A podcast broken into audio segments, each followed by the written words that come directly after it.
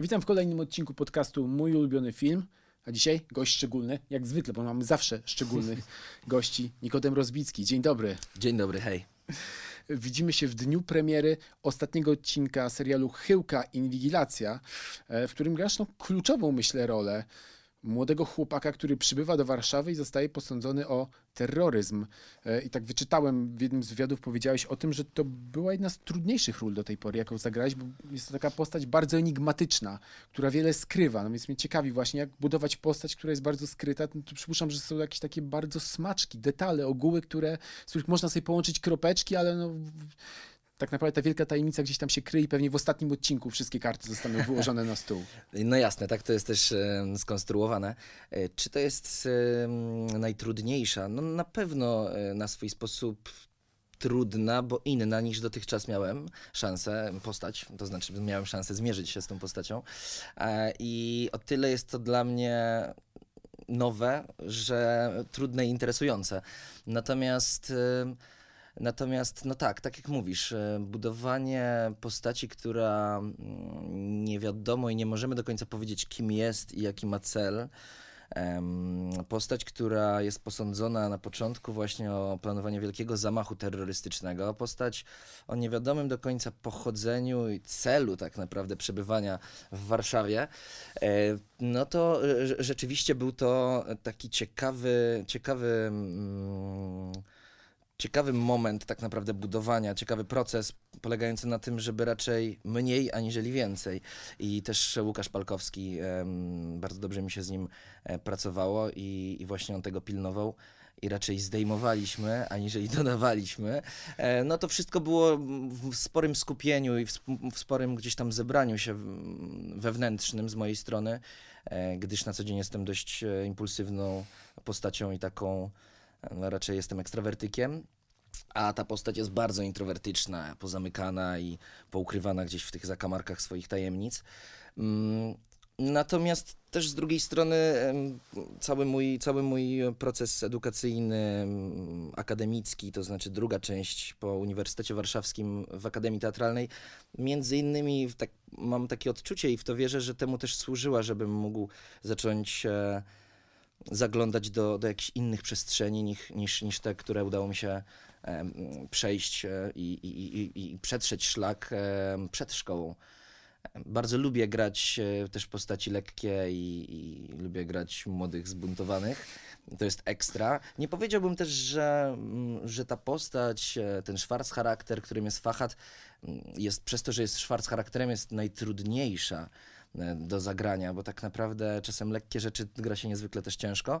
Natomiast e, z mojej perspektywy no, była to naprawdę świetna przygoda i też taka próba zmierzenia się z takim charakterem. Ale w ogóle mam wrażenie, że ty lubisz próbować e, różnych ról i różnych postaci, raczej się nie zamykasz e, w szufladkach. No taką też postacią z jednej strony komediową, ale mającą mrok i tajemnicę, e, jakiś taki też dramat, bo na przykład postać z filmu Wszyscy moi przyjaciele nie żyją. E, Tak. tak, wspominałeś o tym, że jesteś ekstrawertyczny, a to jest raczej gość schowany trochę No to wszystko. prawda, bo te, te dwie produkcje rze- rzeczywiście są takimi dość mm, bliskimi od siebie, na, jeżeli chodzi o realizację, no bo jed, jeden i drugi projekt e, zrobiłem w zeszłym roku. I akurat tak, e, tak się złożyło, że, że miałem szansę zmierzyć się też z takimi e, charakterami.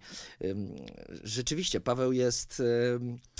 No, ma jakiś duży problem w sobie, który mieli, i jest to problem em, podyktowany głównie bezgraniczną miłością wobec Glorii. Natomiast tak, to była też postać, e, pamiętam jak castingi dość długo trwały do tego filmu. Mm, Pierwszy scenariusz, który czytałem był w języku angielskim i wtedy miałem coś takiego, wow, jakby jest to szalone, jest to fajne, ale kurczę, czy to się uda przełożyć na język polski? I to była moja wielka obawa. Natomiast później, po jakimś czasie, był powrót do tematu już e, ze scenami po polsku. No i nie ukrywam, że jak e, czytałem ten scenariusz, to, to było kilka postaci, które, zresztą do których też byłem castingowany, ale mm, w tym Pawle widziałem jakąś piękną, piękną tak naprawdę opowieść, bliską, myślę, wielu osobom, niekoniecznie w takim układce, w takiej układce różnicy wieku, jak jest w przypadku, e, w przypadku Glorii i Pawła, ale z drugiej strony, dlaczego i nie? Dlaczego nie, prawda? Jakby miłość, mm, miłość ma w sobie piękną moc i rzeczywiście główną motywacją Pawła jest właśnie ona. Mm, Więc gdzieś tam chciałem też bardzo zagrać tą postać i się uparłem, żeby właśnie tą i cieszę się, że tak się sprawy potoczyły. Film okazał się wielkim sukcesem na Filmwebie przez e, no, długie tygodnie. Okupował czołówkę najpopularniejszych tytułów. No i myślę, że w ogóle na Netflixie mnóstwo osób e, go obejrzało. No właśnie, oba filmy nakręciłeś w okresie, oba filmy, film i serial nakręciłeś Tak w okresie pandemicznym. E, Pandemia cały czas trwa. Jak ty w ogóle to doświadczenie odbierasz? Czy, w ogóle jakby no, mocno wpłynęło na twoje życie zawodowe? Pandemia? Hmm, no, na pewno, na pewno.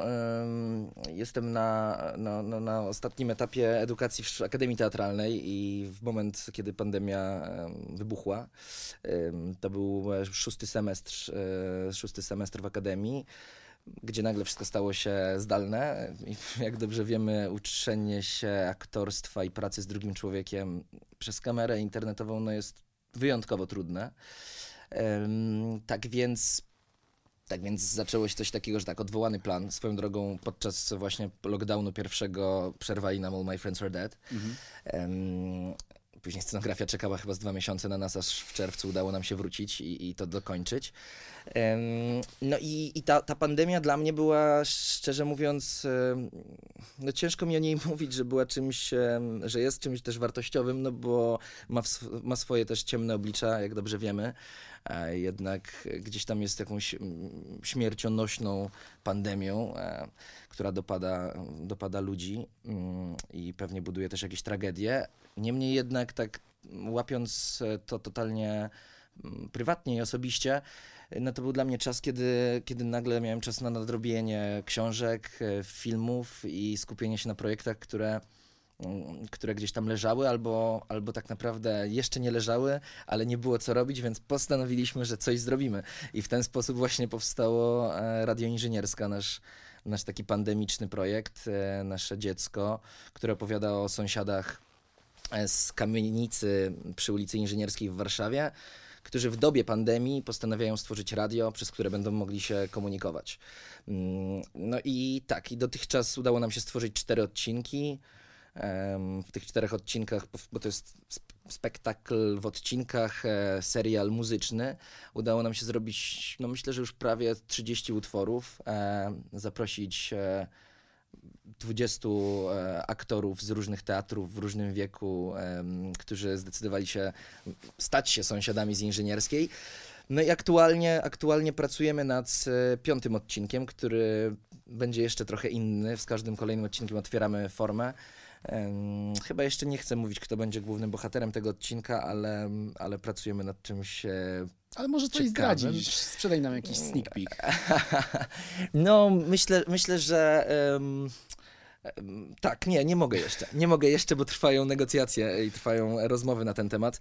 Em, natomiast idąc też e, tym kluczem, że zaczęliśmy, jak pandemia wybuchła, no to fajnie by było, że jak.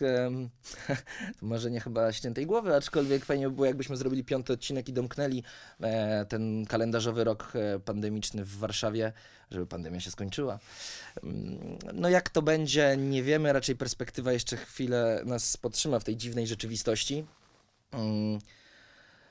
No tak, no, trochę to pozmieniało na pewno moje życie osobiste, prywatne, ale też i zawodowe. Mm, Udało się niektóre projekty zrobić, e, niektóre zostały zawieszone. Jestem w trakcie zdjęć do, do filmu Wojtka Nowaka e, Dom Wybranych, który to zrobiliśmy nie wiem, 12 chyba dni zdjęciowych w jednej lokacji dość ważnej dla całej opowieści. Mm, No i z powodów okoliczności ten, ten projekt został przeniesiony na wiosnę. No i wiosna już nadchodzi i tak mm, ten projekt w końcu e, pewnie skończymy, ale wiadomo, że wracanie do czegoś, kalendarzówki, układanie jej na nowo, to jest niezwykle, niezwykle trudne. A sam film jest bardzo ciekawym też e, filmem. Mm, Wielu wspaniałych aktorów tam, tam, tam występuje i mam szansę z nimi, z nimi grać i od nich brać. E, Natomiast dzieje się w trzech e, przestrzeniach czasowych. W latach 70., a, ale także w latach 90., ale także trzy miesiące temu, sześć miesięcy temu, tydzień temu. Tak naprawdę jest to film bardzo mm, oparty na retrospekcjach. E, Dość złożony scenariusz, z którego jest w czym grzebać i myślę, że to może być coś ciekawego. A jaki masz sposób na to, żeby przechować w sobie postaci, które na przykład właśnie z racji pandemii koronawirusa trzeba przestać grać, żeby wrócić do nich po miesiącach? Jak na przykład było na planie e, przyjaciół? To by łatwo było z powrotem wejść w skórę Pawła, czy trochę czasu potrzebowałeś, żeby To znaczy był na tyle, bohaterem. krótki, na tyle krótki wentyl wyjścia z tej postaci, Mhm. no bo to w zasadzie to trwało dwa miesiące, że, mm, że ta postać nie uciekła i no oczywiście przeczytałem raz jeszcze mm, na spokojnie scenariusz, ułożyłem sobie sceny. Po drodze myślałem o scenach, które zostały zrealizowane. Szczerze mówiąc, y, nie wiem, czy reżyser i producent i cała ekipa się ze mną zgodzi, ale mówię za siebie. Ja mam wrażenie, że, że ta pandemia wniosła coś bardzo ciekawego na plan i e, do postaci i do tego, że wszyscy mieli czas, żeby się trochę też oswoić z jakimś takim odważnym gatunkiem, w jaki wskakujemy tak naprawdę. Mm, Na początku wszyscy przyszli i gdzieś tam było takie małe zastanowienie, że okej, ale jak bardzo chcemy przekroczyć tą granicę. Mm, zrobiliśmy to, co, co, co mogliśmy, wróciliśmy do tego, już wszyscy wiedzieli, jak, jaka jest talia kart i jakby o co chodzi w tej grze. Mm, Więc może to wyszło na coś, na coś dobrego dla tego projektu. Wiem, że o nim się różnie mówi. Wiem, że są zdania bardzo podzielone. Ja osobiście uważam, że jest to mm, super, super próba i fajne, fajne kino, które bawi i gdyby mm, gdyby było w języku angielskim, to nie byłoby niczym szokującym, albo tak mi się wydaje, to znaczy na, na inny rynek byłoby puszczone. Na szczęście już teraz do tego doszło, bo chyba mm, ten film już jest w 53 trzech krajach. sprawdzałeś może, czy masz dubbing w jakimś innym języku? Tak, Jak- tak, są. Pię- chyba nie wiem czy 53, ale czasem mi znajomi z Hiszpanii, z Niemiec, e, mm, z Francji, ktoś mi podsyłał, jakby, że mnie ogląda i mówię, że rzeczywiście jestem zdubbingowany. To dość e, zabawne i ciekawe.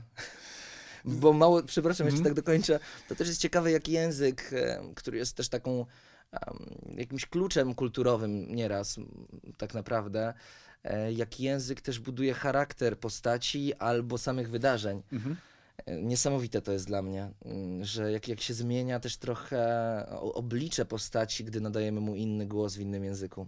A jakiś szczególny język rzeczywiście wbił ci się w pamięć miałeś wrażenie, że zmienił charakter twojej postaci? No, to znaczy nie widziałem ca całych tych filmów. Może kiedyś to jest dobry pomysł, żeby sobie obejrzeć, e, jak, jak, jaki jest przebieg całości w innym języku. E, No, ale bez wątpienia, bezzmiennie, no, ciężki dla mnie był do przejścia język niemiecki. ale okej, jakby z drugiej strony, może, może to jest e, uwarunkowane tym, że go po prostu nie znam. Zanim odkryjemy karty i poznamy ulubione filmy Nikodema Rozbickiego, to jeszcze o jedną rzecz chciałem cię zapytać, bo w wywiadzie sprzed dwóch lat wspominałaś o tym, że sam chciałbyś w ogóle pisać scenariusze i robić filmy. I takie dwa w ogóle pomysły przytoczyłeś w wywiadzie. Jeden był taki, pierwszy film opowiada o zdarzeniu otoczonym dziwną mgłą niedomówień, druga, drugi natomiast projekt to konwencja fantazji dziejąca się na Mazurach. Jak się mają obydwa projekty? Wow, ale super. Nie wiedziałem, że to kiedykolwiek powiedziałem, to znaczy nie pamiętam tego. Em, Wywiad dla Kamaga e, 2019 Ach, rok. tak, to prawda. Ech, mm, nie ukrywam, że wciąż mam wielki apetyt, e, żeby próbować tworzyć światy filmowe. Mm, Aktualnie pracuję nad jednym projektem, e, ale nie jest on ani, ani historią niedomówień, ani historią fantazy mm, mazurską. Historia niedomówień jest na tyle złożonym e, projektem, że mnie to trochę przerosło, e, ale koncept jest niezły. Natomiast e, mazurska historia jest, jest taka, wciąż istnieje ten koncept. Czasem do niego zaglądam. To jest taki w ogóle ciekawy, bo mm, ten film mam, mam gdzieś tam już poukładany w głowie. mm, Brakuje mi trochę w nim jeszcze farszu i treści, em, no ale mam niemalże mm, no, dużo elementów, jak na przykład em, wejść intro, Mhm. piosenkę, piosenkę do, do, do tego filmu. Mam e, lokację, w której chciałbym go zrealizować. E, Mam takie em, elementy, które budują już w mojej głowie tą rzeczywistość, natomiast e, też został on odłożony póki co, bo pojawił się temat, który buzuje w, we mnie od, od dawien dawna.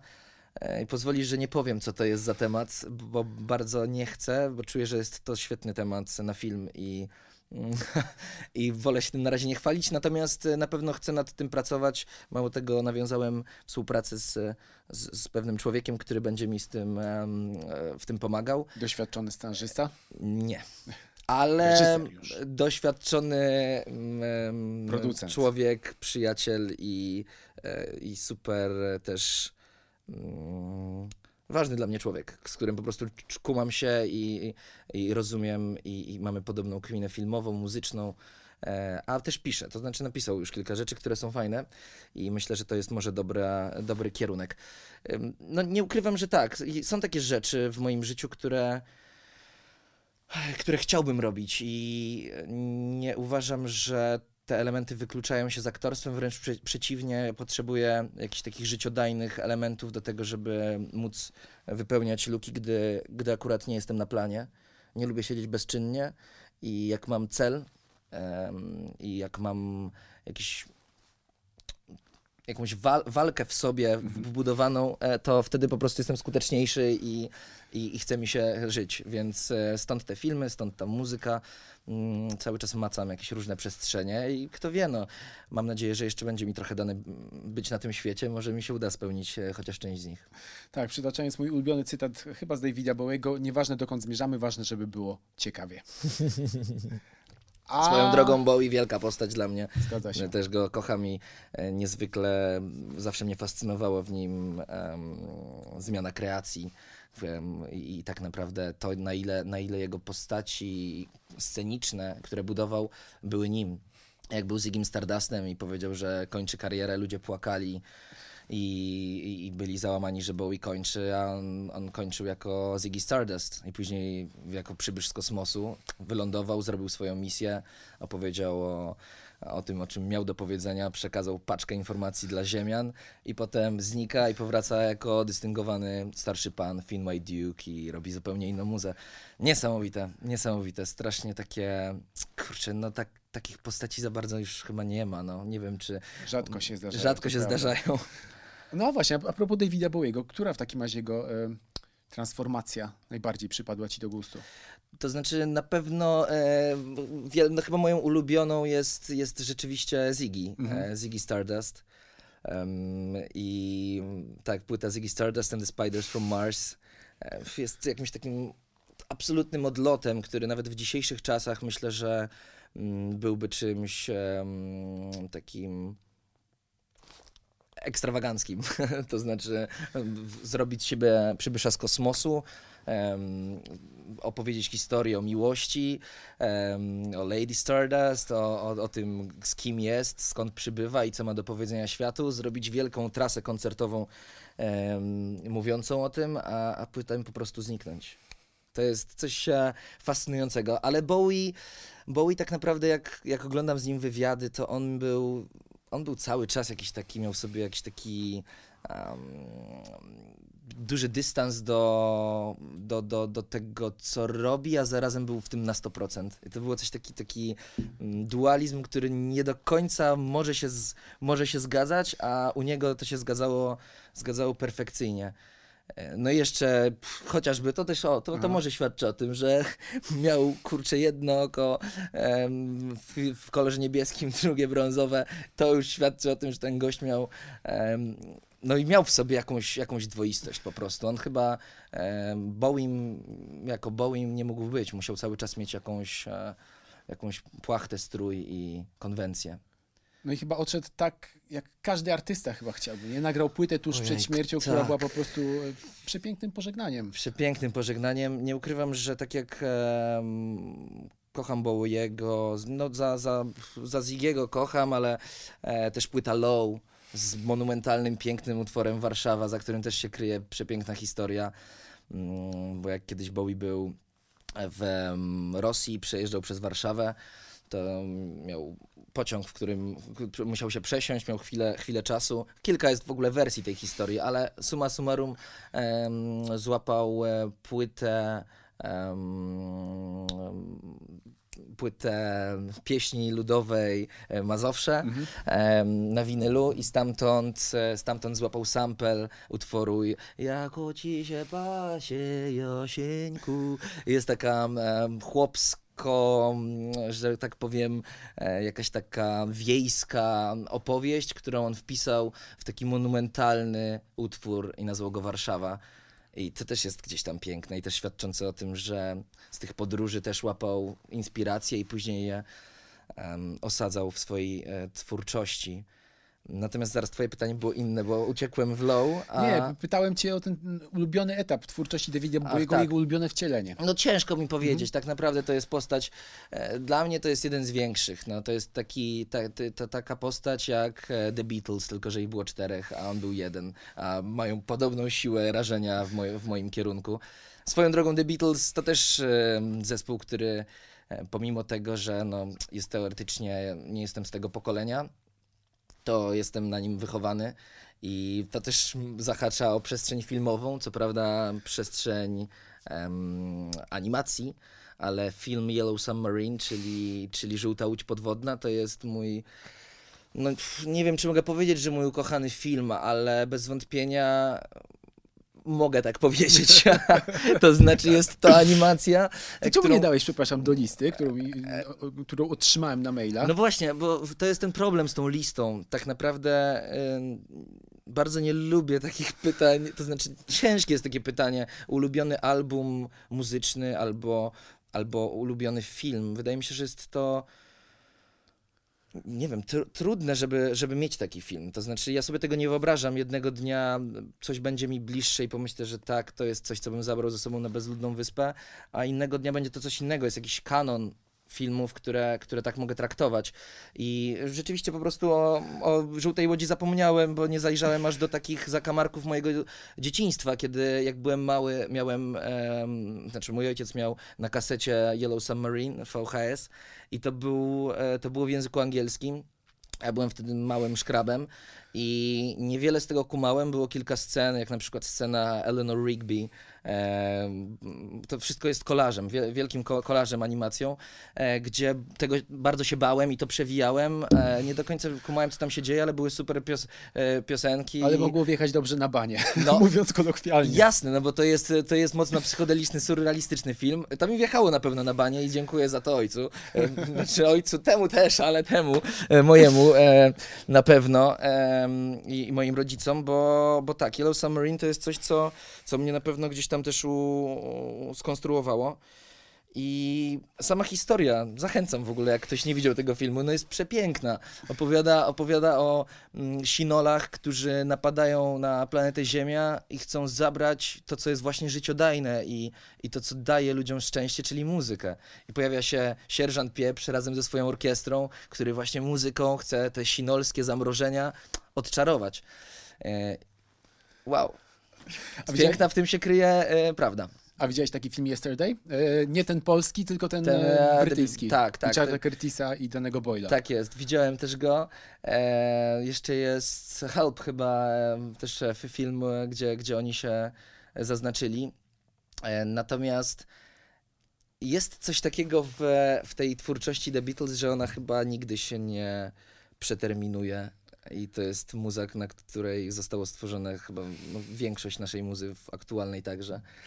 Pewnie tak, chociaż ja się na przykład boję, bo pamiętam, że jak Kanye West wypuścił swego czasu kawałek z Rianą i Polem McCartneyem, to pojawiało się mnóstwo komentarzy, o super, Kanye West e, i Rihanna, Ale ale kim, kim jest Paul McCartney? McCartney?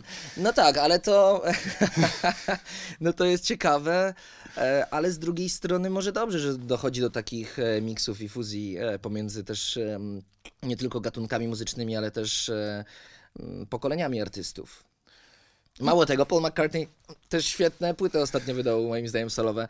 E, I, i, I też e, dobrze się tego słucha wciąż. To jest, to jest trochę zmienione już na adekwatnie do czasów, ale jest to coś, co daje dużo radości, e, tak mi się wydaje, słuchaczom wciąż. Zdecydowanie tak, sam katuję, katuję, no złe słowo, ale puszczam jej piosenki Beatlesów i chcę, żeby je znała i że jak usłyszy je za parę lat, to będzie wiedziała, o, to znam. Yes. Rodzice mi puszczali.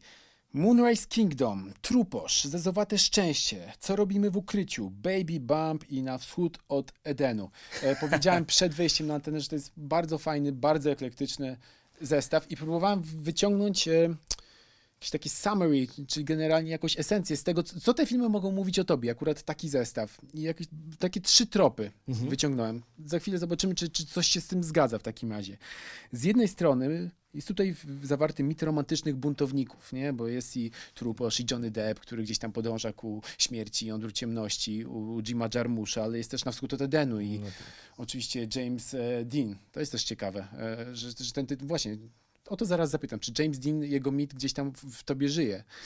E, drugi trop, który wyhaczyłem, to są opowieści o końcu dzieciństwa, ale takie bardzo odjechane i surrealistyczne. No i tutaj oczywiście Baby Bump, szalony film Kuby Czekaja i Moonrise Kingdom e, Wesa Andersona. I trzeci jeszcze trop, dziwaczne, absurdalne poczucie humoru. I tu myślę, że w większości jakby tych filmów można to Tak, wszystko tak, przypisać. tak. Więc czy, czy te wszystkie trzy rzeczy gdzieś tam rzeczywiście są, są ci bliskie? No, myślę, że to są bardzo, bardzo fajne tropy. Daw, dawno nikt mnie tak e, nie rozebrał na, podstawie, na podstawie jakichś e, mm, filmów. E, tak jak powiedziałem, te filmy, no, podesłałem rzeczywiście taką paczkę, ale było to niezwykle takie... mm, Zastanawiałem się, czy to, czy to są te filmy, które powinienem tutaj dać. Zapomniałem tutaj o wielu moich tak naprawdę takich reżyserach, którzy którzy są mi bliscy i których, e, których e, bardzo cenię i za którymi też podążam. E, No bo zaraz Gaspara Noé nic nie dałem na przykład. Nic nie dałem, ale to się wpisuje w odlot i w gdzieś tam mm, zakamarki jakiegoś szaleństwa też nieraz. Nie dałem nic Tarantino, który, którego kocham i, i, i tak jest mi bardzo bliski. Chyba, a nie, What We Do in the Shadows dałem, tak? Tak, Czyli Take dałeś. Away, Wait, no tak. Ale a sk- skoro już mówiliśmy o Tarantino, przed wejściem na antenę wspomniałeś, że masz dobrą anegdotę, to prosimy. Tak, e, to jest dobra anegdota, bo z Tarantino miałem taką sytuację, że jak byłem na festiwalu American Film Institute w Los Angeles z moim pierwszym filmem, czyli Baby Blues, akurat tak to się ułożyło, e, że byłem tam sam. To znaczy nie było producenta, nie było reżyserki, nie było Magdy, e, nie było nikogo poza mną. To rzucili cię na głęboką wodę, Tak. widzę. Byłem w, na dwóch takich festiwalach. Jeden i drugi jest skarbnicą, e, szczerze mówiąc, jakichś tam anegdot i przypowieści i moich też doświadczeń i filmów, które tam zobaczyłem. E, też też te, te, te filmy się odznaczyły e, we mnie mocno. E, natomiast gdy doleciałem do tego Los Angeles, postaram się szybko to opowiedzieć. Spokojnie, E, mamy czas. Tak, to e, mieszkałem w hotelu Roosevelt, e, gdzie zresztą pierwsze Oscary Dobry hotel. tak. Z historią piękną. Bar, bardzo, bardzo fajny hotel z piękną historią. I vis-a-vis niemalże tego hotelu jest e, Chinese Theatre, Mhm. gdzie jak dojechałem, Oczywiście już pomijam takie jakieś konteksty, że okazało się, że był transport, który na mnie czekał, ale ja byłem dzieciakiem we mgle i nie ogarnąłem, więc wsiadłem do busa, ale nie do takiego busa, który dowozi bezpośrednio do LA, tylko ma objazdówkę po wszystkich okolicach i chyba z półtorej godziny albo dwie jechałem em, do tego hotelu. Szczerze mówiąc, em, uważam, coś tam, był, był to element em, gdzieś tam humorystyczno-zabawny w, w, wśród festiwali, festiwalowiczów ówcześnie. A to był A- twój pierwszy, przepraszam, wyjazd do Los Angeles? Czy Tak, tak, wcześniej? tak. To był mój pierwszy wyjazd. E, Ale pomijając już ten aspekt, doszedłem do hotelu i tam e, na, e, na moim łóżku było zaproszenie na film. Na premierę filmu Braci Coen Inside Llewyn Davis. No i patrzę na zegarek, godzina 19 za 5. Premiera 19. Myślę, o fuck, dobra, gdzie to jest? Sprawdzam, vis-a-vis. Okej, idę, trudno, Jaki jestem jet zmęczony. Tak jest, da, tak jest. Lecę, no i lecę tam, lecę i w tym momencie mm, dwóch ochroniarzy mnie zatrzymuje i mówi, że zaraz, zaraz, dzisiaj jest zamknięta impreza. Ja wtedy taki zadowolony z siebie wyjmuję plakietkę filmmaker, która też na mnie czekała. Pokazuję im, oni, okej, ale wciąż dzisiaj jest impreza, że musisz mieć e, marynarkę. Kurczę, no dobra. To dość ważny element tej układanki. Wracam po tą marynarkę, później wchodzę, dobra, siadam i myślę sobie, kurczę, długi film. Ja nawet nie zdążyłem skorzystać z toalety.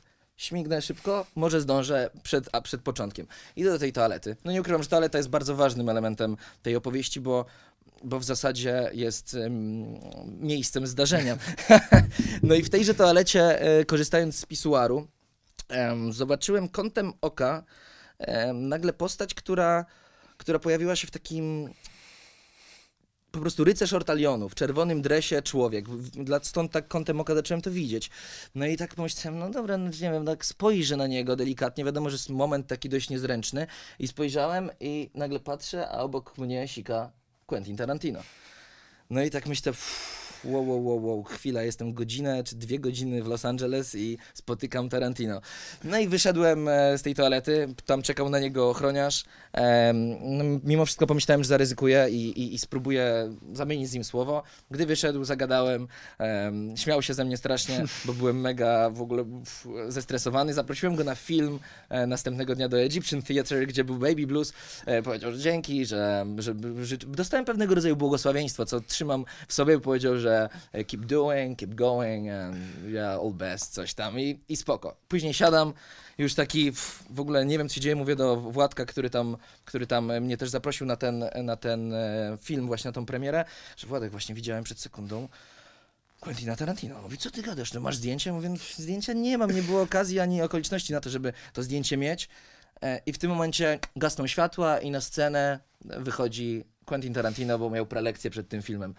E, taka historyjka, o tyle gdzieś tam fajna dla mnie, że, że wtedy poczułem em, moc e, po pierwsze Ameryki i Hollywood, a po drugie moc tego, że, że, że wszystko jest w zasadzie e, możliwe i dla mnie to było bardzo, bardzo piękne, bo Tarantino mm, no też mnie wychował filmowo, kocham jego, jego poczucie humoru, kocham jego szaleństwo, a, a na przykład jego ostatni film dawno temu, Pewnego tak? razu pe- pewnego rodzaju, przepraszam, tak, pewnego rodzaju, pewnego rodzaju, Pewnego razu w Hollywood. pewnego razu w Hollywood. E, zalatałem się już tak, że żyję tym wspomnieniem tego spotkania. Em, był dla mnie, kurczę, naprawdę genialnym filmem i takim w ogóle przełamującym e, konwencję też jego trochę filmów. To znaczy nie był, nie był on klasycznym filmem e, Tarantino i bardzo mi się podobał.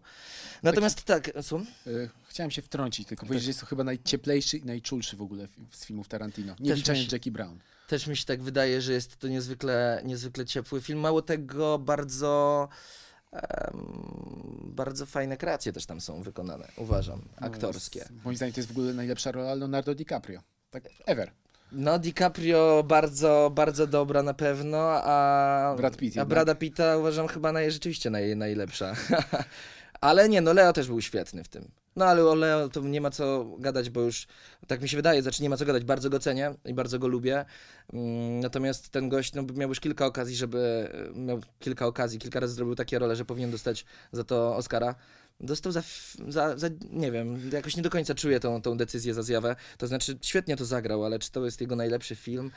Wiesz, jak to jest w Hollywood? Często jak e, nie dostaje się nagród za te naprawdę wybitne role, to potem trzeba zagrać taką rolę, w której można opowiadać dużo w wywiadach. Na przykład DiCaprio opowiadał o tym, że jadł e, surową wątrobę bizona, Tak. że spał w zwłokach zwierzęcia, Tak. że kąpał się w mroźnej rzece i o mało nie utonął. I to zawsze działa na Hollywood. To takie poświęcenie, transformacja fizyczna. E, natomiast, no kurczę, ja uwielbiam jego rolę w, i pewnego razu w Hollywood i Wilk Wall Street. W ogóle wydaje mi się, że DiCaprio jest świetnym aktorem komediowym. I Jak najczęściej widziałem go właśnie w takich e, tragikomicznych, tragifarsowych rolach, jak, jak, jak u Tarantino, ale wracając do aktora Nikodema Rozbickiego, może jeszcze pociągnijmy trochę wątek dzieciństwa. Jaki miałeś w ogóle widok z okna, jak byłeś mały? Wow. Wiesz co, widok z okna, moim e, tak naprawdę pierwszym widokiem z okna, jak byłem mały, bo w moim pierwszym mieszkaniu, gdzie przyszedłem na świat, to znaczy przyjechałem ze szpitala, to było mieszkanie, gdzie mia- miałem wspólny pokój z moim starszym bratem i mieliśmy łóżko piętrowe i ja byłem, oczywiście jako że byłem młodszym bratem, na piętrze zero, na tym pierwszym, nie na górze. E, I, I tam miałem okno w postaci plakatu, mm, wielkiego plakatu z dinozaurami. Park I Jurajski? Czy Park Jurajski. Okej. I to było dla mnie, e, to było moje okno na świat, które za, e, za dnia strasznie mnie fascynowało, cieszyło i kochałem to, a nocami przynosiło mi koszmary i, e, i tak, i jakieś takie konfrontacje ze strasznymi potworami. Tak więc tak humorystycznie odpowiadając, to tak bym odpowiedział. Mm, A tak, no później te okna się zmieniały. E, W moim docelowym domu rodzinnym przed tym, jak się przeprowadziłem, miałem okno na, na las, więc to już było Mm, Też fajne. Dinozaurów nie było, ale czasem dziki. Tak, cytując chłopaki nie płaczą, bunkrów nie ma, Ale i tak też jest jest zajebiście. tak. A pamiętasz swoją pierwszą bójkę? Czy pamiętam moją pierwszą bójkę? Wiesz co, ja mam e, coś takiego, że jak byłem młodszy, to ja sporo bójek miałem. E, I czy pamiętam pierwszą? Pytanie, czy ty byłeś prowodyrem, czy to ciebie zaczepiali? Wiesz co, raczej, raczej mnie zaczepiali, tylko ja nie dawałem sobie e, w kaszę dmuchać. I byłem też taki, szczerze mówiąc, e, miałem, miałem z tym jakieś problemy, z jakąś taką nadpobudliwością i, i z, z tym jak... Najbardziej mnie zawsze bolało to i, i raziło i nie mogłem sobie z tym nigdy poradzić, jak ktoś w pyskówce słownej dotykał mojej rodziny, mojej mamy. Och, to już było tak, że już wtedy nie było zmiło i po prostu zaczęła, zaczynała się wojna. Ciekawe, że w ogóle też dzie, jako dzieciak e, ciężko jest się zdystansować od takich, e, takich jakichś wyssanych e, z kosmosu słów rzuconych na wiatr tak naprawdę. Mm, No, a także jakieś takie ego jest na tyle, na tyle silne i może moje przywiązanie do rodziny, że to po prostu było przekroczenie jakiejś granicy akceptowalnej w ogóle w dyskusji albo kłótni. No tak, ja, ja mam coś takiego, że. Znaczy mam, już nie mam, ale jak byłem młodszy, to jak byłem nastolatkiem, to miałem często coś takiego, że, że, że, że często mnie próbowali e, e, napadać, okradać. E, kilka też mam anegdot z tym związanych, e, ale to może innym razem, bo znowu, znowu mógłbym e, o tym gadać. Mm, Natomiast e, tak, tak, no miałem w sobie sporo takiej, takiej krwi buntowniczej, też to przekładałem na muzykę, kiedyś miałem kapelę rockową, gdzie grałem, wcześniej grałem w piłkę nożną i, i wszystkich ustawiałem na boisku, bo traktowałem to jako najważniejsza rzecz na świecie. Szczerze mówiąc, jak wspominam te czasy, to już teraz z dystansem, to myślę sobie, że niezłym byłem dupkiem w kontekście futbolu, bo naprawdę ci wszyscy ludzie, którzy mogli grać, nie chcieli albo chcieli e, i ja tam biegający i dawaj, dawaj, lecisz, musisz Zawsze wracać, musisz wracać. Tak, zawsze w, ofens- w, w ofensywie, ale też wracałem. To było jakieś mo- moje totalne życie. Mm, Kiedyś przez e, obniżenie się moich notowań w szkole e, zostało mi to odebrane przez rodziców, bo mnie wypisali z klubu piłkarskiego. Bo takie były zawsze w moim domu zasady, że najpierw, e, obowiązk, najpierw obowiązki, czyli w tym przypadku e, szkoła, a później przyjemności, hobby i, i pasja. No jak mnie wypisali, to była to dla mnie wielka tragedia, a później e, mój tata przyszedł do mnie i dał mi pierwszą gitarę i to się przemieniło w, w miłość do muzyki, która później się przemieniła w miłość do, do filmu. Mało tego, muzyka dla mnie jest niezwykle istotnym elementem filmu. Zresztą no, nie tylko według mnie, według mnie ale, ale mm, często na nią zwracam uwagę. I ona, ona jest dla mnie czymś, co tak e, nieraz mi buduje opowieść. Na przykład Truposz wspomniany przez nas, Jarmusza. Em, Neil Young tam zrobił muzykę. E, piękna legenda też krąży, podobno nawet bliżej prawdy niż legendy tej legendzie, e, że Neil Young nagrywał tą gitarę, e, bo tam jest taka prowadząca gitara, taki, taki rozpłynięty riffik, który prowadzi, taki leitmotiv tak naprawdę muzyczny tego filmu. E, I podobno Neil Young nagrywał to na sesji, oglądając film, po prostu ilustrował, ilustrował w czasie rzeczywistym mm, gitarą obrazy. E, I na przykład w tym filmie, no ta muza, pomimo tego, że jest bardzo minimalistyczna, buduje świat ten, ten, ten jakiś taki odrealniony tak naprawdę tej ostatniej drogi, e, gdy nie, człowiek, który nie żyje, Deadman, spotyka Indianina, który jest człowiekiem nikim, Mr. Nobody. Em, fascynująca opowieść. Bardzo za... Ko kocham e, też i fascynuje mnie Depp e, jako, jako, art, jako aktor, e, ale szczególnie właśnie za te jego, za te jego wcześniejsze rzeczy typu Truposz. No, idąc dalej, oczywiście te em, wszyscy piraci, wszystko co stworzył później, jest to ekstra, gdzieś tam jest to kino rozrywkowe, które bawi i jest świetnie od niego, przez niego odegrane i em, mimicznie e, przeprowadzone. Natomiast tam właśnie też jest bardzo duży minimalizm jakby środków aktorskich w tej kreacji. I idzie, jedyne co się zmienia, to nagle mu się pojawiają tutaj e, ślady, e, prawda, jakiejś takich modyfikacji make-upowej i idzie w tych kożuchach przez te, przez te pustynie i rozmawia o życiu i o Williamie Blake'u. no niesamowity film. A w ogóle nie masz wrażenia, że Piraci z Karaibów zrobili więcej złego niż dobrego dla Deppa? Bo przed nim był świetnym, interesującym aktorem, mającym taką zasadę artystyczną, że jeden film kręcę dla siebie i to może być totalne jakieś porypaństwo w stylu właśnie filmów Jarmusza, a jeden film kręcę dla Hollywoodu, typu, nie wiem, Żona astronauty, a po Piratach z Karaibów wszedł już w mainstream totalnie. Plus prawda. e, zrobił się trochę manieryczny, nie? Że No kolejne tak, tak, tak, role że trochę ciężko mu od tego uciec. No bo zrobił coś takiego. Zgodzę się z tobą, że to mogło mu zrobić gdzieś tam jakąś teoretycznie krzywdę. Natomiast to jest e, taka krzywda, że, że też się no, stał ikoniczny przez to dla, dla jakiejś takiej świadomości.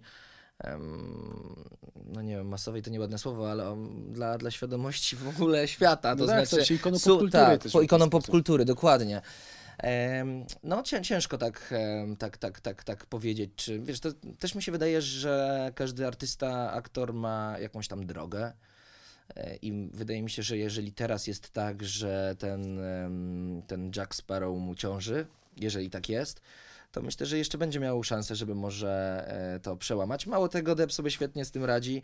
E, gra w kapeli Hollywood Vampires na gitarze e, i, i to jest kurde mega odlot. Byłem na ich koncercie kiedyś.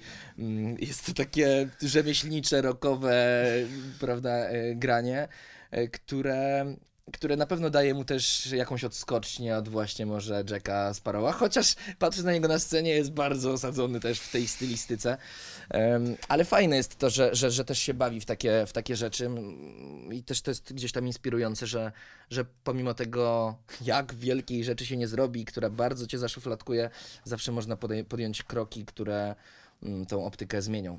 No i pytanie jeszcze, czy uda mu się powrócić, bo jednak jakby po em, jego ostatnich problemach w życiu z, z prywatnym, tak myślę. No słyszałem, tych problemów ostatnio to Było jakby ja tego mm, ostatnio tego. trochę, e, znaczy ostatnio, w ogóle tego nie śledzę szczerze mówiąc, e, a mimo wszystko e, widziałem, że tak, e, tak naprawdę jakaś e, afera za aferą wyskakuje. Bo chyba ostatnio też coś Angelina Jolie, e, a propos Brada Pitta, zaczyna wyciągać brudy. Wszy, wszyscy, wszyscy wyciągają jakieś teraz brudy, jakieś to się stało, mm, nie wiem, nie rozumiem tego do końca. E, nigdy mi się to też e, nie podoba tak naprawdę e, jakby taka jakaś publiczna, publiczny taki jakiś ekshibicjonizm życia prywatnego. Wiadomo, że jeżeli ktoś ma, ktoś, ktoś ma coś za skórą, to dobrze dojść do prawdy, ale czy to trzeba robić jakby od razu jakimś takim publicznym linczem? Nie wiem, nie chcę też bronić tutaj Depa, bo nie wiem na czym polega jego, e, jego... Przybliżając, mogę ci opowiedzieć. Ostatnia historia z Deppem była taka, że jego chyba już była, tak mi się wydaje, że ona Amber Heard e, oskarżyła go o to, że był damskim bokserem. I ostatnio Depp przegrał proces tak naprawdę nie z Amber Heard, tylko gazetą, która nazwała go damskim bokserem. E, No i z racji tego, że Depp uważał, że nie, gazeta nie mogła go tak nazwać, ale sąd uznał, że jakby gazeta miała do tego prawo. Mhm. W związku z tym, jeżeli został publicznie nazwany damskim bokserem, a sąd jakby przyznaje temu rację, no to od razu w Hollywood pojawiły się głosy, że wiadomo, należy go skancelować No tak. i, i usunąć, także na przykład został skasowany z obsady filmu Fantastyczne Zwierzęta. W trzeciej części już go nie zobaczymy, będzie Mats Mikkelsen zamiast niego w, w roli Grinden Walda. No ale to są Świetna, świetny aktor swoją drogą Mikkelsen. Świetne aktor, to prawda. Może, może, wiesz, nic się nie dzieje bez przyczyny, to znaczy, mm, znaczy tak, nie uważam, że jest jakakolwiek, em, jakiekolwiek argumenty można znaleźć na akceptację takich zachowań, jeżeli sąd tak stwierdził, prawdopodobnie em, gość coś zawinił, niech teraz odpokutuje to, E, nie wiem, czy, czy, czy filmowym linczem, czy jakkolwiek inaczej może. E, Natomiast to też daje ciekawe światło na tą sprawę, że mm, jakby Depp rzeczywiście miał zakończyć swoją karierę, to i tak zrobił dużo różnych kolorów i tak jak powiedzieliśmy, i były e, bardziej e, jakieś arthouse'owe, offowe, em, artystyczne stricte przedsięwzięcia, ale też i, też i komercyjne. Mam w ogóle też jeszcze taką myśl, Mhm. że jest taki artysta, który ostatnio mnie e, zafascynował. Tak jak zresztą świat też się nim zafascynował za sprawą Jojo Rabbit. Mm, Taika Waititi? Tak jest, Taika Waititi. I ten gość jest dla mnie też mega odjechaną postacią i taką inspirującą. Po pierwsze, bardzo ciekawym jest to, że robi odważne filmy w rozumieniu takim, że te scenariusze są, wydaje mi się, e, że są dziwne, niekonwencjonalne i znalazł na to klucz, Mhm. odważny klucz, tak, tak, tak ja to odczu, od, o, o- odczytuję, że znalazł klucz w postaci takiej, okej, zrobię film, który będzie dokumentem o wampirach, teraz wracam do What We Do in the Shadows, em, ale żeby przekonać innych, że to mo- może mieć sens, biorę na siebie główną rolę. I tak samo zrobił w Jojo Rabbit w zasadzie, Wcielając się e, w wcielając Hitlera. się w Hitlera, co też jest takim mocnym strzałem, dość ryzykownym, a zrobił to, uważam, zostało to wyważone e, świetnie. I tak jak What We Do in the Shadows jest humorem, które, który mi bardzo odpowiada i, i, i, i kurczę, no jest to mega odjechane kino. E, tak, w Jojo Rabbit y, udało mi się dotknąć czegoś, co, co mnie fascynuje w kinie i nieczęsto e, mnie spotyka, że to był taki film, gdzie gdzie płaszczyzny em, jakiegoś takiego od, odbioru tego filmu zaczęły się ścierać na takich, ta, w takich rejestrach, że, e, że w tym samym momen- momencie się śmiałem, wewnątrz gdzieś tam płacząc e, i wzru- będąc wzruszonym. I niesamowite to było dla mnie. To, to mi się tak skojarzyło, co prawda na innych em, pułapach, bo tutaj byłem wzruszony i zarazem się śmiałem z tego, co tam z abstrakcji e, wydarzeń, ale podobnie miałem kiedyś, jak robiłem, e, odrabiałem pracę domową Mhm. i leciałem przez twórczość Davida Lyncha. E, Ciężką twórczość, ale bardzo intrygującą i obejrzałem. E, wtedy akurat miałem też taki czas, to było podczas moich pierwszych studiów. E, oglądałem te filmy sam, po prostu w domu, w swoim mieszkaniu pierwszym i oglądałem Głowę do wycierania, Razorhead. To jest, I to był film, który no raz, że jest ciężki, ale tam też dotknąłem czegoś takiego i to jest dla mnie fascynujące, że jak jest scena uh, Lady in the Elevator, gdzie zniekształcona kobieta z takimi paskudnymi naroślami na głowie śpiewa In heaven everything is fine. Y, I, i to, jest, to był moment, kiedy ja pamiętam, jak strasznie mi było z tym niewygodnie, bałem się tego, ale zarazem w obliczu całej opowieści to był moment, który był wyzwalający i przepiękny. I strasznie to jest trudne, żeby takie coś uzyskać w kinie. E, I, I taką bym zrobił mapę skojarzeń. Nie wiem, czy to można w ogóle tak porównać, Dawaj. ale oni gdzieś taką e, na takich strunach zagrali, mm, które, które mnie, e, które wydaje mi się, że żadna z, in, z innych sztuk nie może na mnie zagrać. To znaczy, może, może w muzyce może też to się z, mm, gdzieś tam z, wydarzyć, ale, ale film no jednak jest piękną, em, piękną fuzją dźwięku, obrazu, aktorstwa, wizji, koncepcji. E, dlatego chyba mnie tak fascynuje jego proces tworzenia i dlatego chcę w tym, e, w tym uczestniczyć. No a wracając jeszcze do Taiki Waititiego, to on e, kręci czwartego Tora, ale nakręcił też film z Michaelem Fassbenderem, na który na przykład strasznie czekam, Next Goal Wins, e, o trenerze piłki nożnej, który postanawia pomóc najgorszej drużynie w dziejach historii piłki nożnej. Nie E, słyszałem Jest o tym. oparte na dokumencie, ale no, takie mam poczucie, że to jest po prostu absolutnie temat pod e, Waititiego i no, jego wbitowe poczucie humoru Tak. wejdzie w to jak w masło. A słuchaj, w ogóle ostatnio. em, ostatnio mam trochę problem z em, filmami, które, które mnie poruszą albo po prostu mi się będą podobały. Mhm. I natrafiłem na taki jeden film. E, I to jest nowy film Clint'a Eastwooda. Aha. Nie Przymytnik, tylko następny jego film, który ostatnio się pojawił na jakiejś. E, Richard Jewell może? Richard, Richard Jewell. Widziałeś ten film? Jeszcze nie. Kurczę, serdecznie też bym zachęcał do tego, bo to też jest film, który, który ma w sobie jakąś niesamowicie piękną prawdę o, o jakby bezgranicznej dobroci, co z niej może wynikać, może gdzieś tam dysfunkcji e, głównego bohatera, która też jest w niego wpisana, no ale przede wszystkim o, o sile rażenia mediów Mhm. i jakby sile sprawczej mediów często z- na- skierunk- znaczy skierunkowanej w, w stronę jednostki e, i, i, co z tego może wynikać i co to, co to powoduje. Ja uważam, że mm, że na pewno powinien to być jakiś taki obowiązkowy film dla wszystkich redaktorów portali e, plotkarskich, o na przykład. Ja bym to tak zaproponował, żeby wszyscy powinni to obejrzeć jako, mm, jako obowiązkową pracę domową. Była afera wo- w ogóle wokół tego filmu, akurat wokół postaci dziennikarki, którą gra Olivia Wilde, z Olivia tego co Wilde, pamiętam. tak jest. Tak, że ona oferuje w jednej chyba ze scen, tak słyszałem, seks za jakiegoś newsa, albo żeby Tak generalnie jest, co, co, je- coś jest, jest taki układ. Tak, więc generalnie oskarżono, że no, jest to niepoprawne politycznie i nie, nie powinna się taka scena znaleźć w filmie, ale i Olivia Wilde i Clint Eastwood e, bronili tego, ale to taka...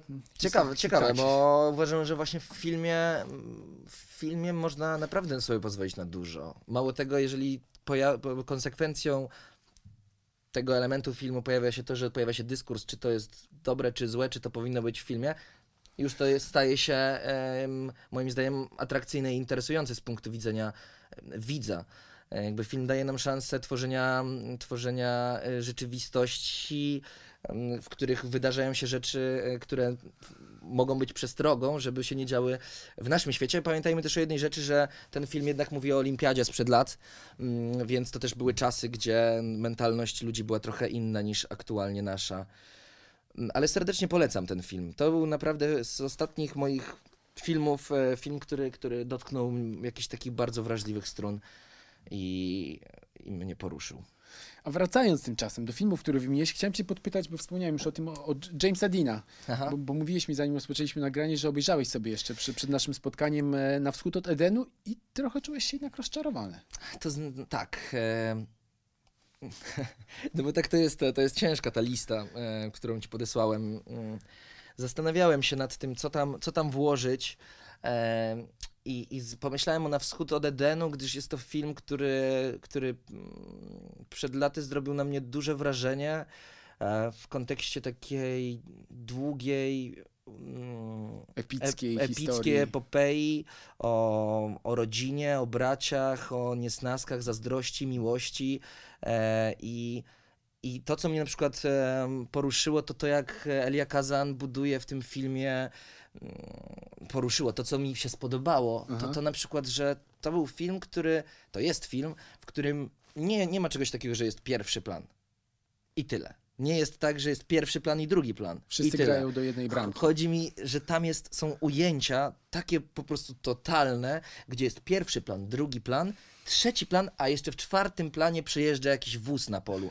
I to jest coś takiego, że, że to się jakby jest statyczne ujęcie, dzieje się scena, rozmowa dwójki osób i, i w trakcie tego tej długiej sceny podążasz za tym, o czym rozmawiają, ale nagle zaczynasz zauważać te kolejne elementy. I w pewnym momencie, gdy już zauważysz, dojdziesz do tego wozu na samym końcu, widzisz, jak piękną kompozycją, taką malarską niemalże jest, jest ta scena.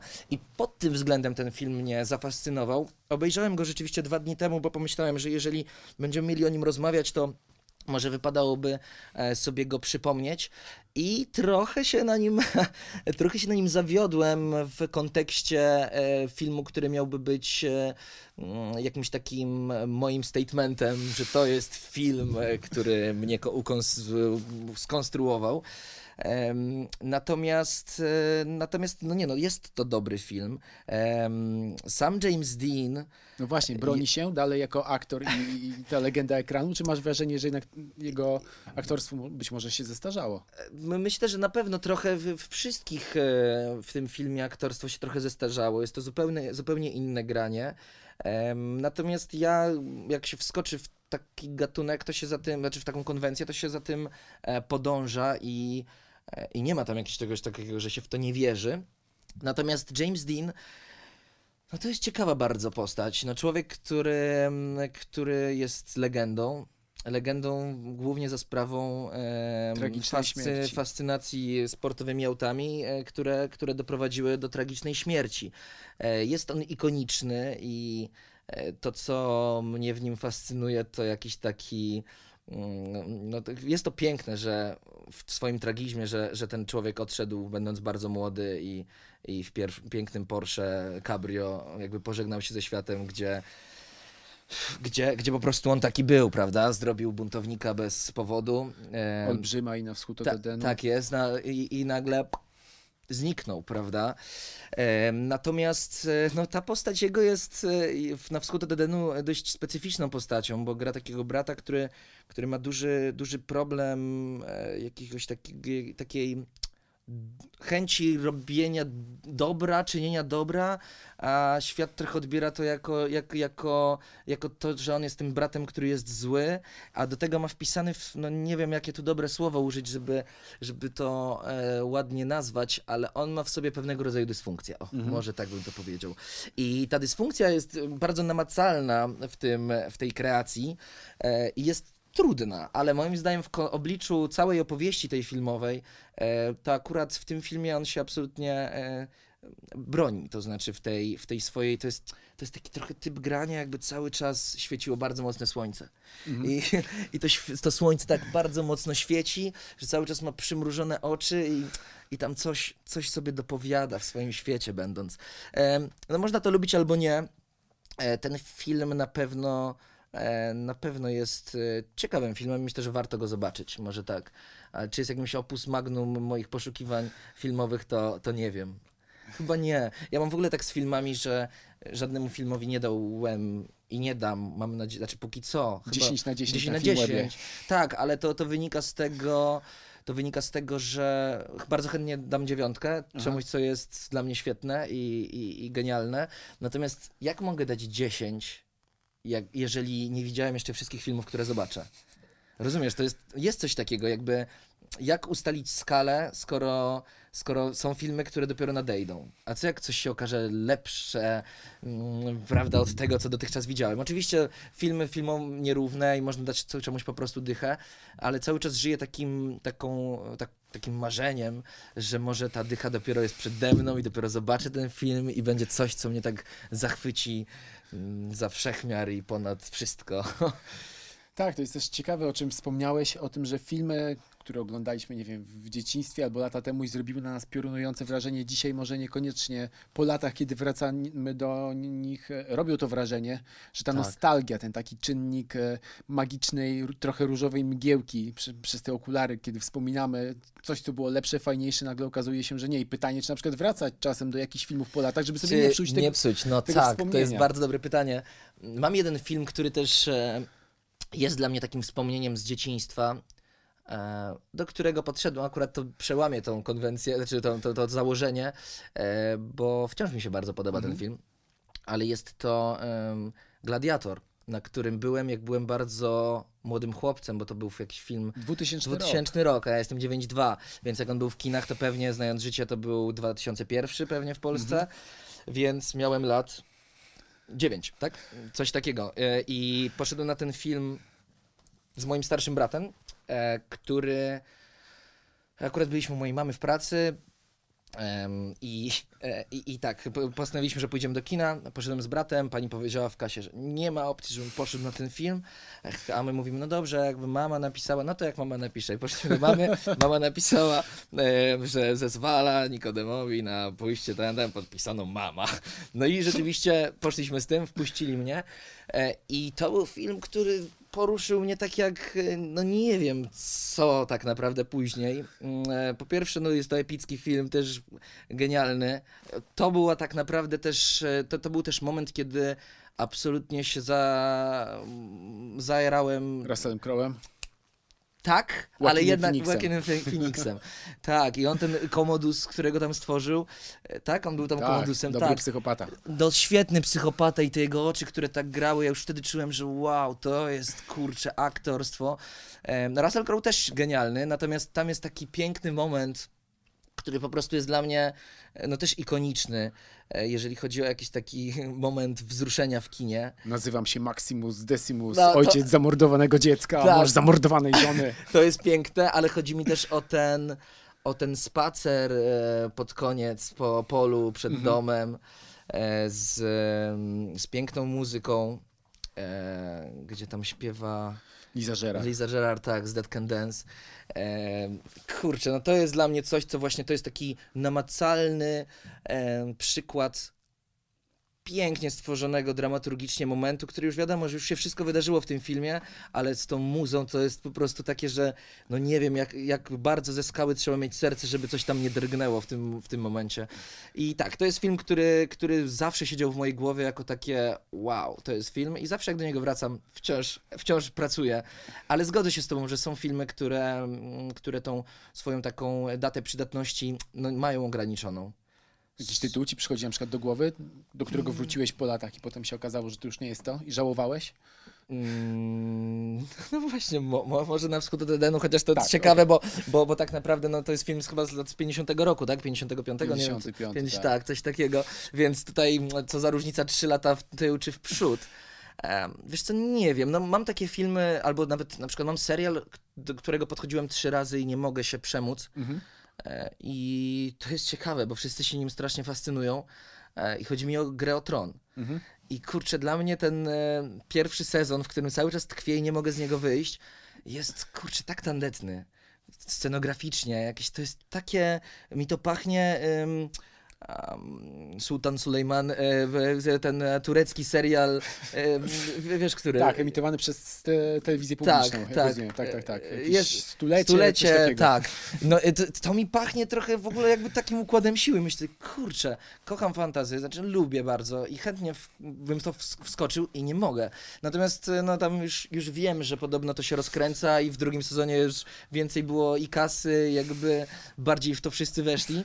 A, natomiast no tak, to, to jest na przykład rzecz, z którą jakby nie mogę, a podchodziłem już naprawdę ze trzy razy do tego serialu, z taką z, z pełną zawartością inwentarza. Chciałem po prostu, okej, dobra, mam czas, obejrzę to i kurczę, nie mogłem przez to przebrnąć. Ciekawe to jest, bo wszyscy moi przyjaciele, e, którzy żyją, mówią, że ło stary, to jest serial. A jakoś tego nie mogę, nie mogę, nie mogę w to wskoczyć. No to jest problem niestety, jak czasem za serialem ciągnie się fama czegoś, co jest po prostu rewelacyjne, wybitne, jedyne w swoim rodzaju, kiedy nagle oglądasz to i okazuje się, że, że nie jest aż tak dobre, jakbyś się spodziewał, to, to może cię sparzyć, a może czasem po prostu potrzeba trochę więcej czasu. Zgoda, zgoda, może, może to nie jest moment, ale to, co mówisz, też jest niezwykle ważne dla mnie w, w, w ogóle odbiorze kina, że jest coś takiego, jak, jak się nastawiam na film, który, że o jest, na przykład tak było z Climaxem. E, Climax jak nadchodził, miałem kurczę, Gaspar Noé, jakby naprawdę ważnymi filmami dla mnie jest Love, bardzo ważnym filmem jest Enter the Void, filmy, które, zresztą mam plakaty tych dwóch filmów w swoim domu,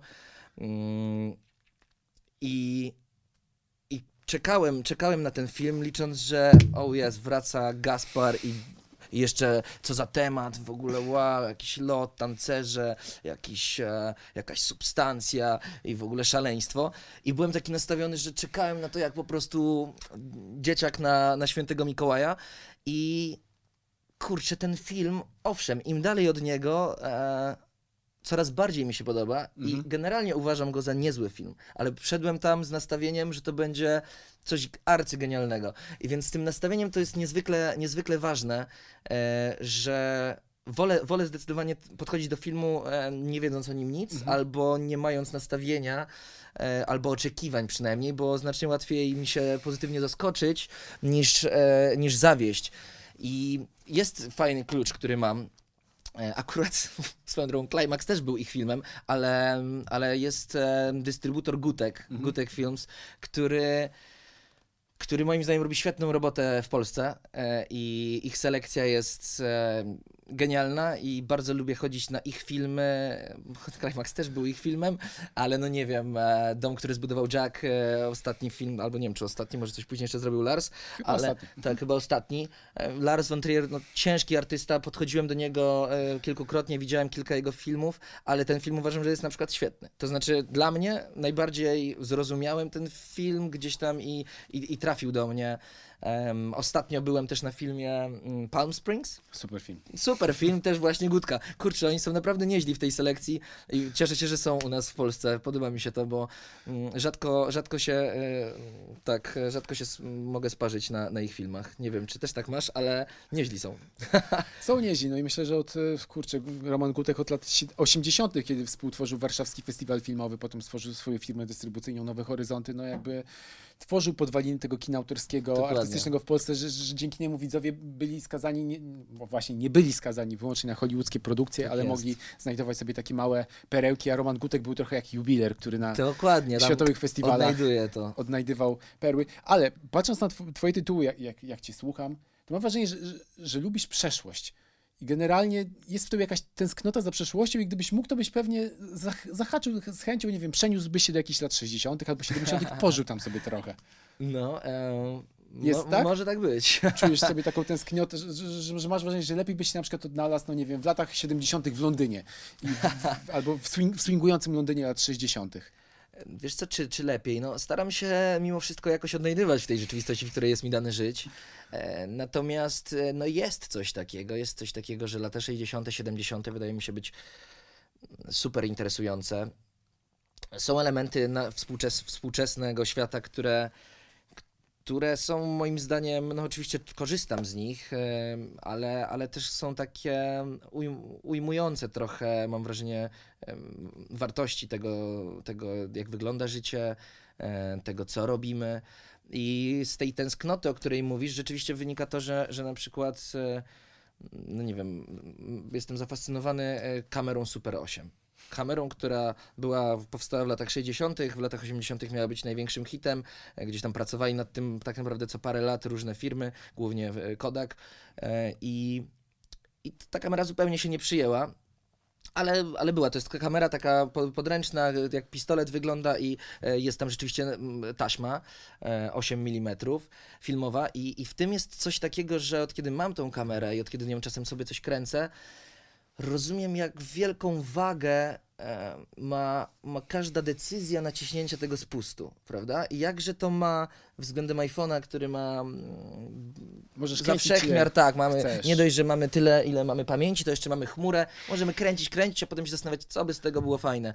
I, i na przykład idąc tym elementem, tym, tym, tym symbolem może też czasów tamtych i, na, i naszych, mm, jest jakaś taka e, we mnie też tęsknota za tym brakiem e, brakiem e, jakiejś takiej konsumpcji e, i, i, i, i, i, i, tego, tego, te, tej technologii, która nam pomaga, ale trochę nas wyręcza.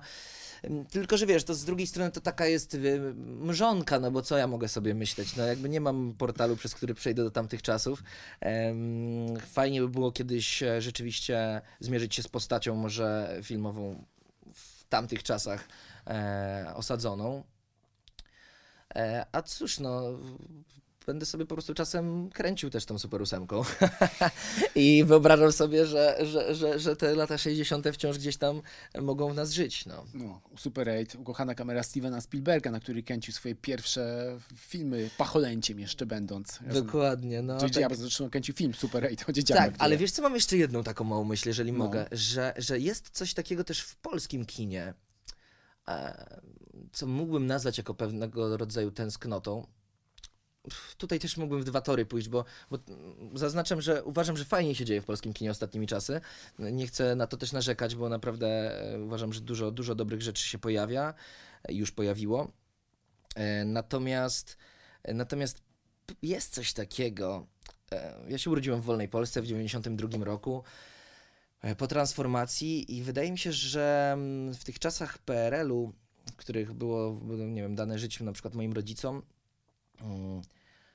był jakiś taki stymulant artystyczny w postaci tej e, może cenzury, może czegoś, co trzeba było pokonać i, e, i te filmy miały w sobie jakąś taką fajną drugą głębię. No, wspomniane tam przez, przez nas też dzisiaj już e, Zazowate Szczęście chociażby.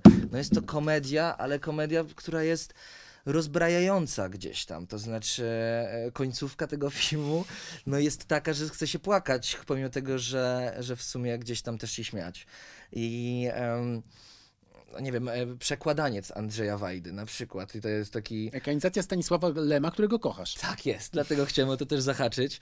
E, ekranizacja, tak, powie, opowie, opowie, to jest chyba, przekładaniec jest chyba jakimś elementem, elementem zbioru opowiadań e, i, to jest film, który kurczę jest tak odjechany i, i strasznie mi się podoba. Opowiada o dwóch braciach, którzy w rajdach startują i w wyniku wypadku mm, zostają połączeni w, w jednego mm, człowieka. No i tutaj się pojawia jakby dylemat, em, którym z nich jest ten, z ilu część, procent e, części ciała e, ten jeden składa się względem tych dwóch poprzednich. E, I, I w tych starych filmach w Polsce jest jakiś taki lot, jakieś takie pozwolenie sobie na, na, na, na, na szaleństwo, na jakieś takie niekonwencjonalne rozwiązania. I dlatego może też e, wspomniałem o, w tej mojej liście o, o Kubie Czekaju i Baby Bump, Mhm. bo, bo, bo w tym filmie też jest e, totalny odjazd i jakby sama, e, sama kon, konwencja też stworzona przez, przez Kubę Czekaja jest e, dla mnie fascynująca. Ten, e, ten szeryf, który jest policjantem i pilnuje wszystkich i sprawdza ich testami. Jakieś to jest takie odrealnione, a zarazem mówi o bardzo mm, prostym kompleksie młodego chłopaka w postaci odstających uszu. No, też pokazuje jakby świetnie e, proces dojrzewania, kiedy nasze ciało się zmienia i my sami się Tak. zmieniamy i nie wiemy do końca, co się dzieje. Dla nas jest trochę ch- body horror. Tak, tak. To jakbyśmy prawda. byli u Cronenberga nagle bohaterami. Tak. To się świetnie Czekajowi udało e, zrobić. Będziesz pracował z Kubą Czekajem może? Jakiś wspólny A tak przelot? brzmi, jakbym, No ja- jakbym nie, robił no- podprowadzenie. Nie, no ja nie E, wiem, może, co, może, ba- może ba- tak będzie. Nie, no może, nic o tym nie wiem, e, bardzo chętnie, e, bardzo chętnie, bardzo chętnie. Natomiast jest, jest wielu twórców, którzy, których chętnie bym spotkał, bo uważam, że ki- kilku szczególnie, no. Też uważam, że Agnieszka Smoczyńska na przykład jest super polską reżyserką. Chętnie bym się spotkał ponownie z Kaśką Rosłaniec. e, A co w ogóle u niej? Bo ona z- zniknęła, mam wrażenie. na Kaśka czas, zniknęła. Jan Szatan kazał tańczyć. Tak, ale, ale zrobiła film w międzyczasie, Okej. nad którym pracuję i gdzieś tam też jesteśmy w kontakcie pod względem e, muzyki w tym filmie i, i gdzieś tam możliwe, że dołożę swoje trzy grosze, żeby, żeby ten film też udźwiękowić. Bardzo, bardzo też z Kaśką, no Kaśce bardzo dużo zawdzięczam e, i tak naprawdę jej, jej film Baby Blues, e, w którym, w którym, od którego zaczynałem, no zbudował, zbudował moją, moją jakąś taką myśl na temat filmu.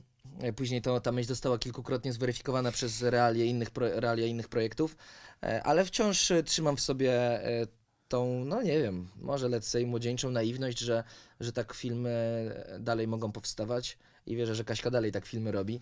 No ten film był po prostu niesamowity, jeżeli chodzi o, o, o jakąś taką mm, wzajemną czujność, o, o bezpieczeństwo w ramach zdarzeń na planie, o, o czas przygotowania, o czas realizacji.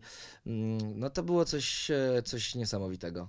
I i uważam, że to też jest e, do, niezły film. A też w Polsce, z tego co pamiętam, był mocno e, odbierany mm, jakby zero-jedynkowo.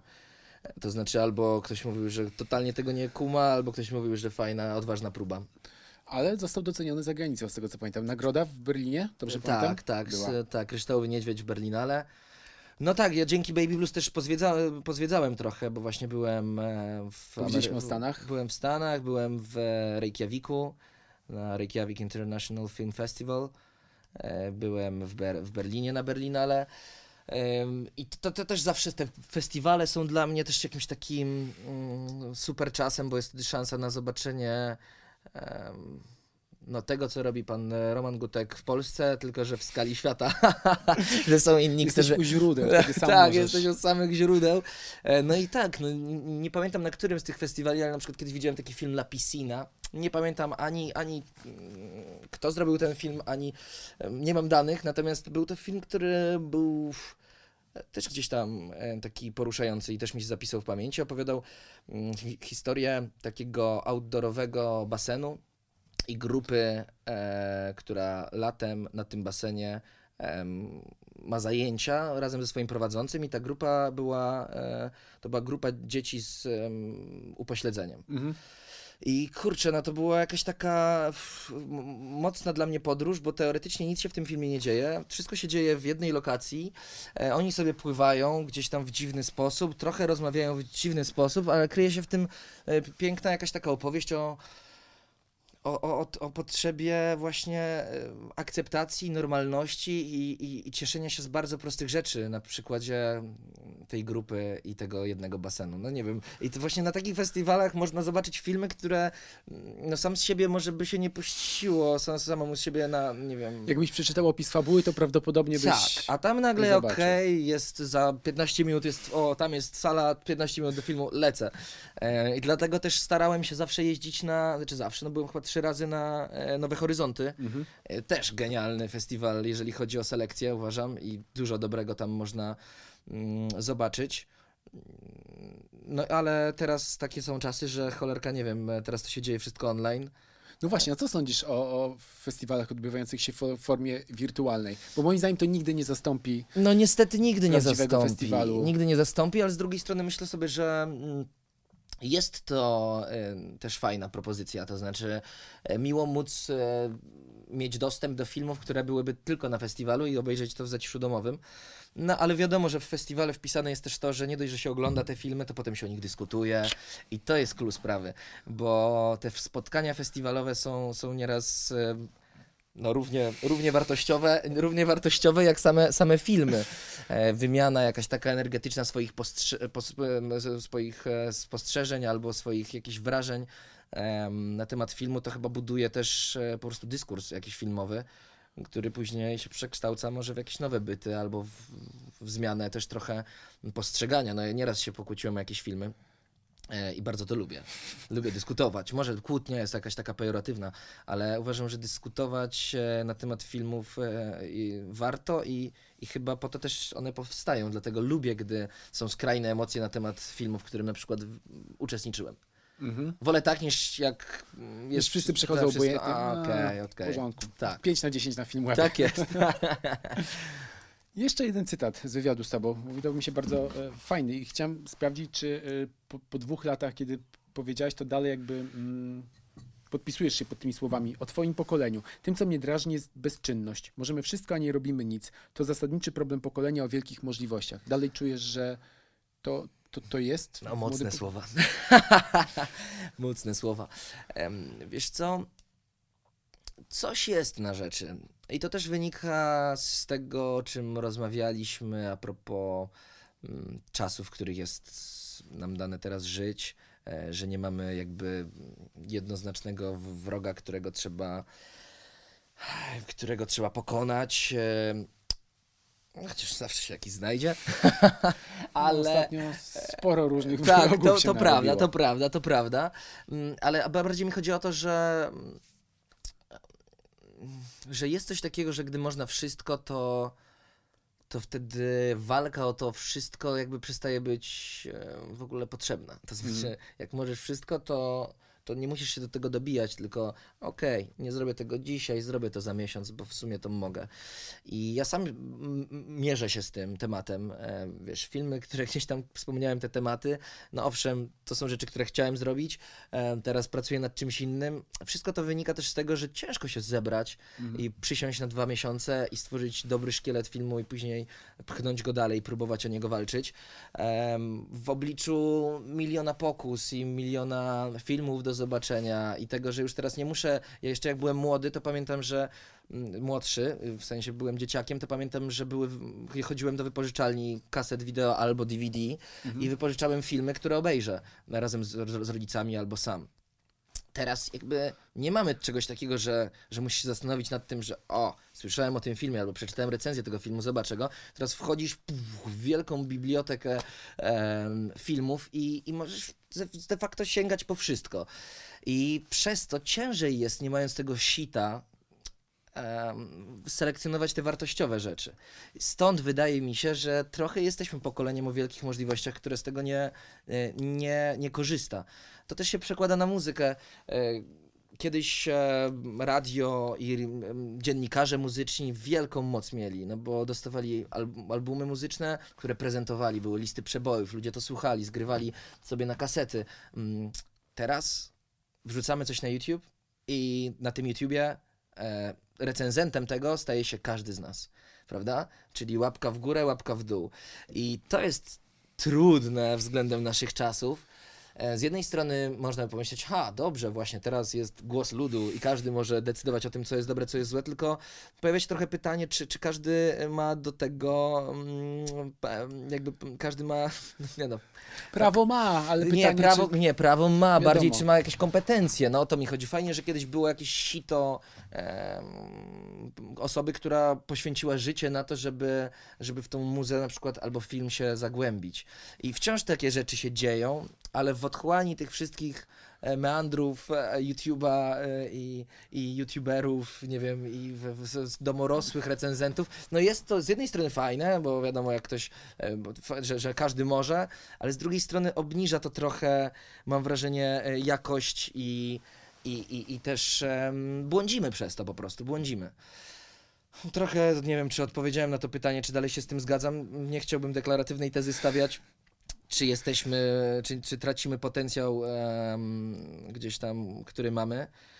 Bo z drugiej strony mógł, mógł- mógłbym to ugryźć, że właśnie jesteśmy pokoleniem bez kompleksów, e, gdzie, gdzie już nie mamy jakiegoś kompleksu względem Zachodu albo Stanów i em, jeżeli chcemy, to uczymy się języka angielskiego w szkole, później spiszemy maturę międzynarodową i lecimy e, gdziekolwiek mamy ochotę e, studiować. Staliśmy się gdzieś tam obywatelami świata.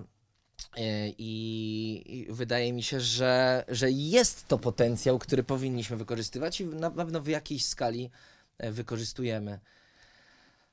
Nie wiem, troszkę się w tym wszystkim, wiesz, zamotałem już. E, Wszystko rozumiem i wszystko się zgadza, rzeczywiście. No, z jednej strony mamy dostęp do wszystkiego, ale można się w tym wszystkim pogubić w, w, w otchłani po prostu możliwości, które czekają Tak. na nas. Wystarczy wyciągnąć tylko pytanie rękę po co. I to jest to. Na koniec chciałem Cię jeszcze podpytać e, o kwestie muzyczne, ponieważ Mhm. jakby dalej jakby wspomniałeś o tym, że, że, że, że muzyka jest, że wspomniałeś o swoim projekcie radio inżynierskim. A kiedy płyta tak w ogóle? kiedy płyta, która... No nie wiem, twoja, jakaś taka fizyczna, wiesz, kiedy, kiedy będzie No, można kupić do nabycia w Empiku. E, Mam, mam nadzieję, że się uda z piątym odcinkiem, żeby właśnie stał się taką płytą e, i domknięciem całej naszej pandemicznej opowiastki. Ale też, e, wiesz, no myślę, myślę gdzieś tam też nad tym. Nie da się wszystkiego naraz zrobić. I to też jest wyzwanie e, mojego pokolenia. Nie chcę być głosem pokolenia, bo w ogóle nie czuję, nie czuję jakby, że mam papiery na to, ale... Słuchaj, no zostałeś artystą. E, Od artystów często prosi się właśnie o to, żeby byli głosem, nawet jeżeli nie chcą. Ja rozumiem, rozumiem to, ale, ale jest to spora odpowiedzialność i okej, mogę próbować, natomiast e, natomiast no tak, ja, ja po prostu lubię działać na kilku frontach, ale czasem też przez te kilka frontów em, chcę, chcę robić za dużo naraz i to też jest problematyczne, więc e, mam teraz e, jakieś trzy osie takie podstawowe mojego, mojego, mojego życia e, zawodowego, na których się skupiam. Czyli Na- muzyka, aktorstwo i... Aktorstwo i film. Okej, ach, okej, czyli e, E, film, to- ale niekoniecznie musisz w nim grać, po prostu chcesz tak, go stworzyć. Tak, Tak, tak, mam taki gdzieś tam wielki apetyt wewnętrzny i, i, i chciałbym spróbować. E, natomiast natomiast no, muzyka też, tylko w muzyce czuję, czuję się gdzieś tam na siłach na daną chwilę, żeby mm, koordynować działania muzyczne, mm, łączyć muzyków z artystami Producent. Bardziej w tą stronę, to znaczy sam też chętnie em, śpiewam, coś tam próbuję. E, moim wielkim marzeniem zawsze było zostać gwiazdą rocka. Może kiedyś spróbuję, ale em, ktoś mi ostatnio w wywiadzie zadał pytanie, em, czy, czy chciałbym robić, zrobić live act jak Krzysztof Zalewski. I jakby, jakby nie w ogóle nie mam wielki szacunek do Krzysztofa Zalewskiego, bardzo go cenię, jest świetnym muzykiem i nie wiem, czy bym e, jakby chciał jakkolwiek się porównywać do, do kogokolwiek albo starać się dążyć do. Mm, On jest e, muzykiem e, per se, świetnym artystą, a ja jestem em, aktorem, który chętnie będzie się też mierzył z działaniami muzycznymi. Natomiast czy bym chciał robić live act, czy bardziej konceptualny album, w którym w którym pojawią się różni artyści, no to to już jest drugo, drugo, drugorzędny jakby temat. Natomiast na pewno kiedyś chciałbym spróbować e, urodzić jakąś płytę e, longplaya muzycznego. E, Natomiast to wszystko w swoim czasie. Dokładnie. Także wracając do myśli, e, który, o której mówiliśmy przy Davidzie Bowiem, nieważne gdzie idziemy, ważne, żeby było ciekawie i tego życzę Tobie. Moim gościem był dzisiaj Nikodem Rozbicki. Bardzo dziękuję dziękuję. bardzo. Pozdrawiam. Dzięki.